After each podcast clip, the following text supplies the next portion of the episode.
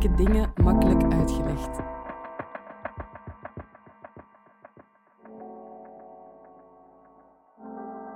Dit is de podcast van Moeilijke Dingen Makkelijk Uitgelegd.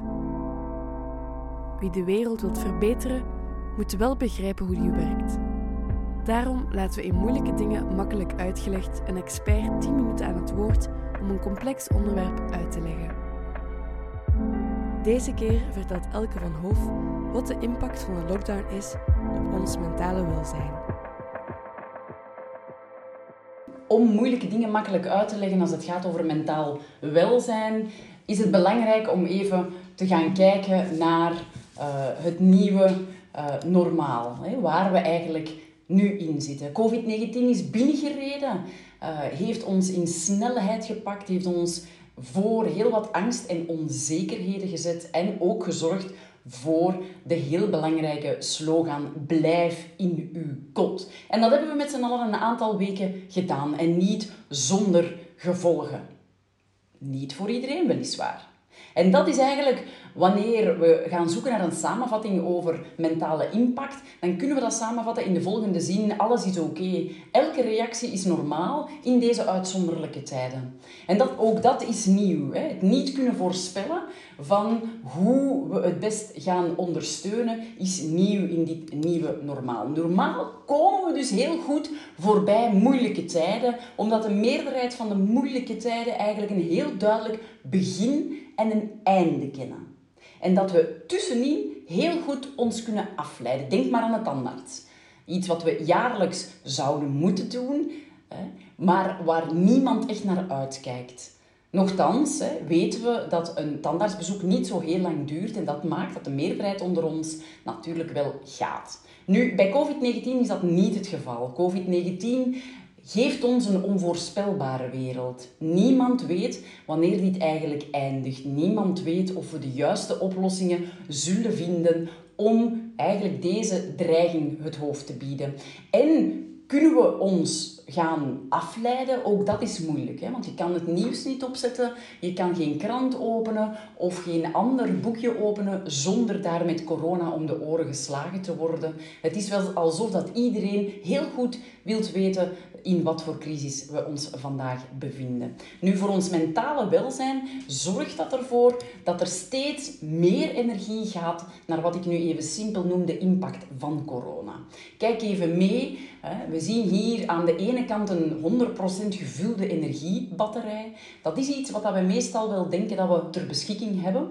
Natuurlijk voor het nieuwe normaal voor COVID-19 hadden we al wel best een onprettige wereld met heel veel lawaai, heel veel snelle veranderingen, wat eigenlijk al zorgde voor ruis en energieverspilling in die batterij. En daar komt dan nu COVID-19 bij, met zijn angst, met zijn onzekerheden en ook met de beperkingen die de maatregelen met zich meebrengen. Heel veel onder ons hebben eigenlijk energielekken door het gebrek in bewegingsvrijheid dat we vandaag de dag ervaren. Nu, als we in die toestand, dus in het, het andere, de derde kolom, eigenlijk nog altijd denken dat we een 100% energiebatterij te besteden hebben, hè, gaande van hier naar daar, ja, dan zie je dat eigenlijk continu boven je eigen grenzen gaat. En dat is de situatie waarin heel veel mensen zich bevinden. Mentale impact is dus eigenlijk direct gelieerd, gerelateerd aan het energiepeil dat je vandaag de dag nog bezit.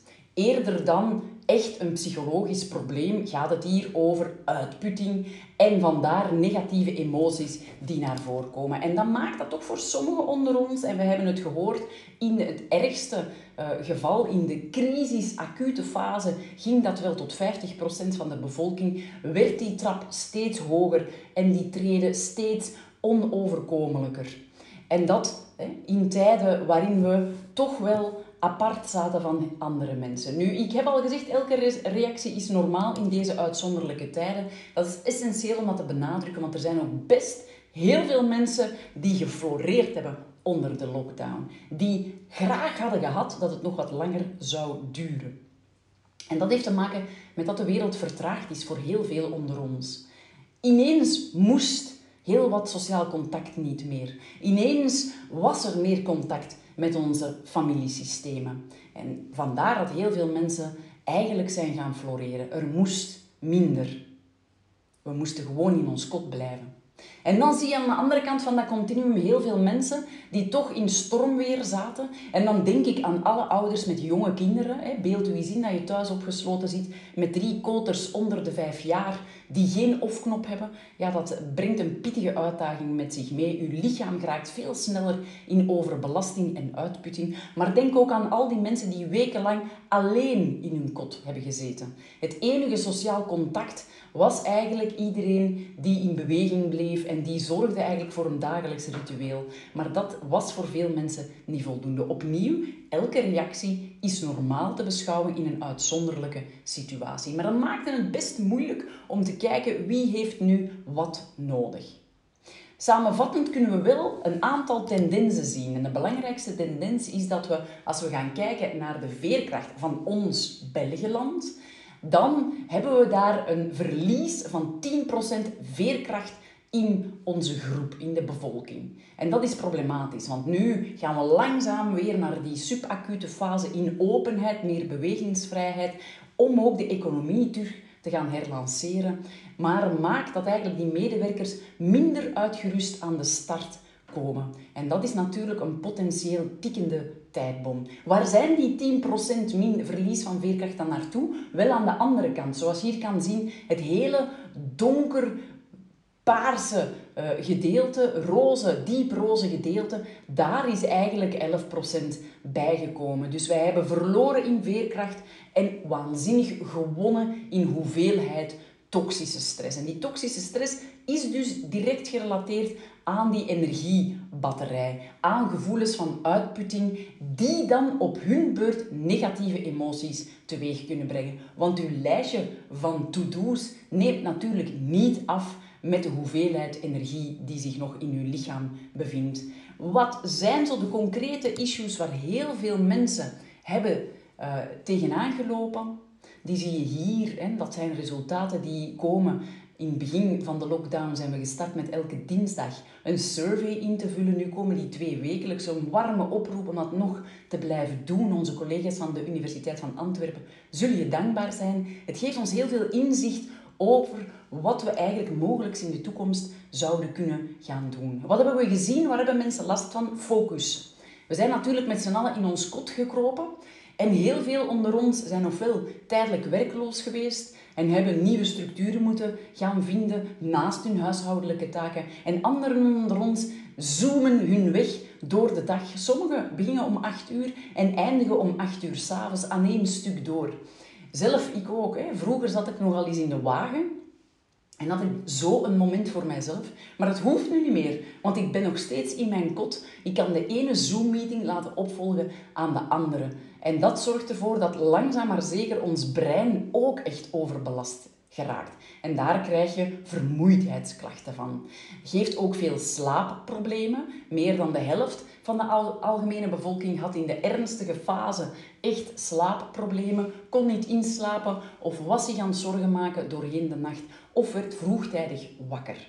We hebben ook een verlies van richting en zingeving. Wat, wat doen we en waarom zijn we aan het doen wat we doen? En dat heeft natuurlijk ook heel veel te maken met de manier van communicatie vanuit de overheid, vanuit richting geven. Uh, dat is nogal vloeg gegaan. Soms zeiden ze X en de dag nadien werd het Y. En dan maakt het niet makkelijk om je te verbinden aan het gezamenlijke project, met name de wereld veilig maken. Wat hebben we nog gezien van klachten is dat mensen moeilijkheden ervaren met het nemen van beslissingen. En ze hebben af en toe wel eens het gevoel om overweldigd te worden en niet te kunnen aanpakken. Um, het gevoel van overspoeling. Dat kan zijn een hele dag, maar dat kan u ook ineens overvallen voor een kwartier, twintig minuten en dan weer verdwijnen. Heel erg onrustwekkend was het feit dat we zagen dat heel veel mensen dingen die ze vroeger heel graag deden, plots niet zo tof meer vonden. En dat is ook nog niet helemaal verdwenen. Vermijdingsgedrag hebben we ook gezien. Mensen die helemaal niet meer naar de supermarkt willen gaan. We zijn ook massaal online gegaan natuurlijk omdat onze winkels gesloten zijn. Maar zelfs tot op de dag van vandaag zijn er heel veel mensen die bepaalde plekken liever vermijden. Negatieve emoties, vooral angst. En zo wat gevoelens van depressie, van wat doet het er eigenlijk nog toe. Verhoging van cynische reacties. En ook een verlies van optimisme naar de toekomst toe. En dat heeft alles te maken met de onvoorspelbaarheid. Die klachten die je hier ziet opgesomd, die zijn erger aanwezig bij mensen die alleenstaand zijn en mensen die een latrelatie hadden, hebben, in vergelijking met mensen die toch een familiaal systeem hebben. Omdat familiaal systeem zorgt ervoor dat je toch het gevoel hebt dat je behoort tot een groep Wanneer je alleenstaand bent, was het moeilijker om dragen, omdat je enige contact, verbinding, die vluchtige momenten waren buiten als je aan het bewegen was of naar de supermarkt ging. En dan daarnaast alleen maar online. En dat is duidelijk dat dat niet hetzelfde effect heeft van verbinding en het gevoel van ergens toe behoren. Verlies van optimisme heeft natuurlijk ook te maken met niet weten wat de toekomst gaat brengen. Krijgen we een tweede golf? Krijgen we een vaccin? Hoe gaat het lopen? Uh, gaan we de zomer kunnen beleven zoals we ze zelf willen? Gaan we het schooljaar in september kunnen openen zoals we dat eigenlijk altijd zouden willen? Um, gaan wij op het werk met z'n allen weer gewoon uh, de gewone routine opnemen? Of zal het nieuwe normaal toch wel echt blijven bestaan? Die onzekerheden en het feit dat we dat niet kunnen voorspellen, maakt dat voor heel wat mensen optimisme op een zeer laag pietje staat. En inderdaad, dat is een van de belangrijke redenen waarom wij uh, de tweede helft van maart iedereen oké hebben gelanceerd, om ervoor te zorgen dat iedereen weer oké geraakt. Dus wanneer je in die niet-oké-zone is, wat een volstrekt normale reactie is op een uitzonderlijke situatie, dan heb je het stappenplan om je weer in de oké-zone te brengen. Een korte inleiding om eigenlijk te eindigen met de belangrijkste zin. En dat is de mentale impact onder de lockdown is heel verscheiden, heel gevarieerd. En dat is allemaal oké. Je luisterde naar Moeilijke Dingen Makkelijk Uitgelegd. Ik ben Selma Fransen en samen met Curieus VZW en de buren organiseer ik de evenementenreeks Moeilijke Dingen Makkelijk Uitgelegd. Montage door Jelena Schmitz. Wil je graag reageren of een evenement bijwonen? Kijk dan op de Facebookpagina van Moeilijke Dingen Makkelijk Uitgelegd.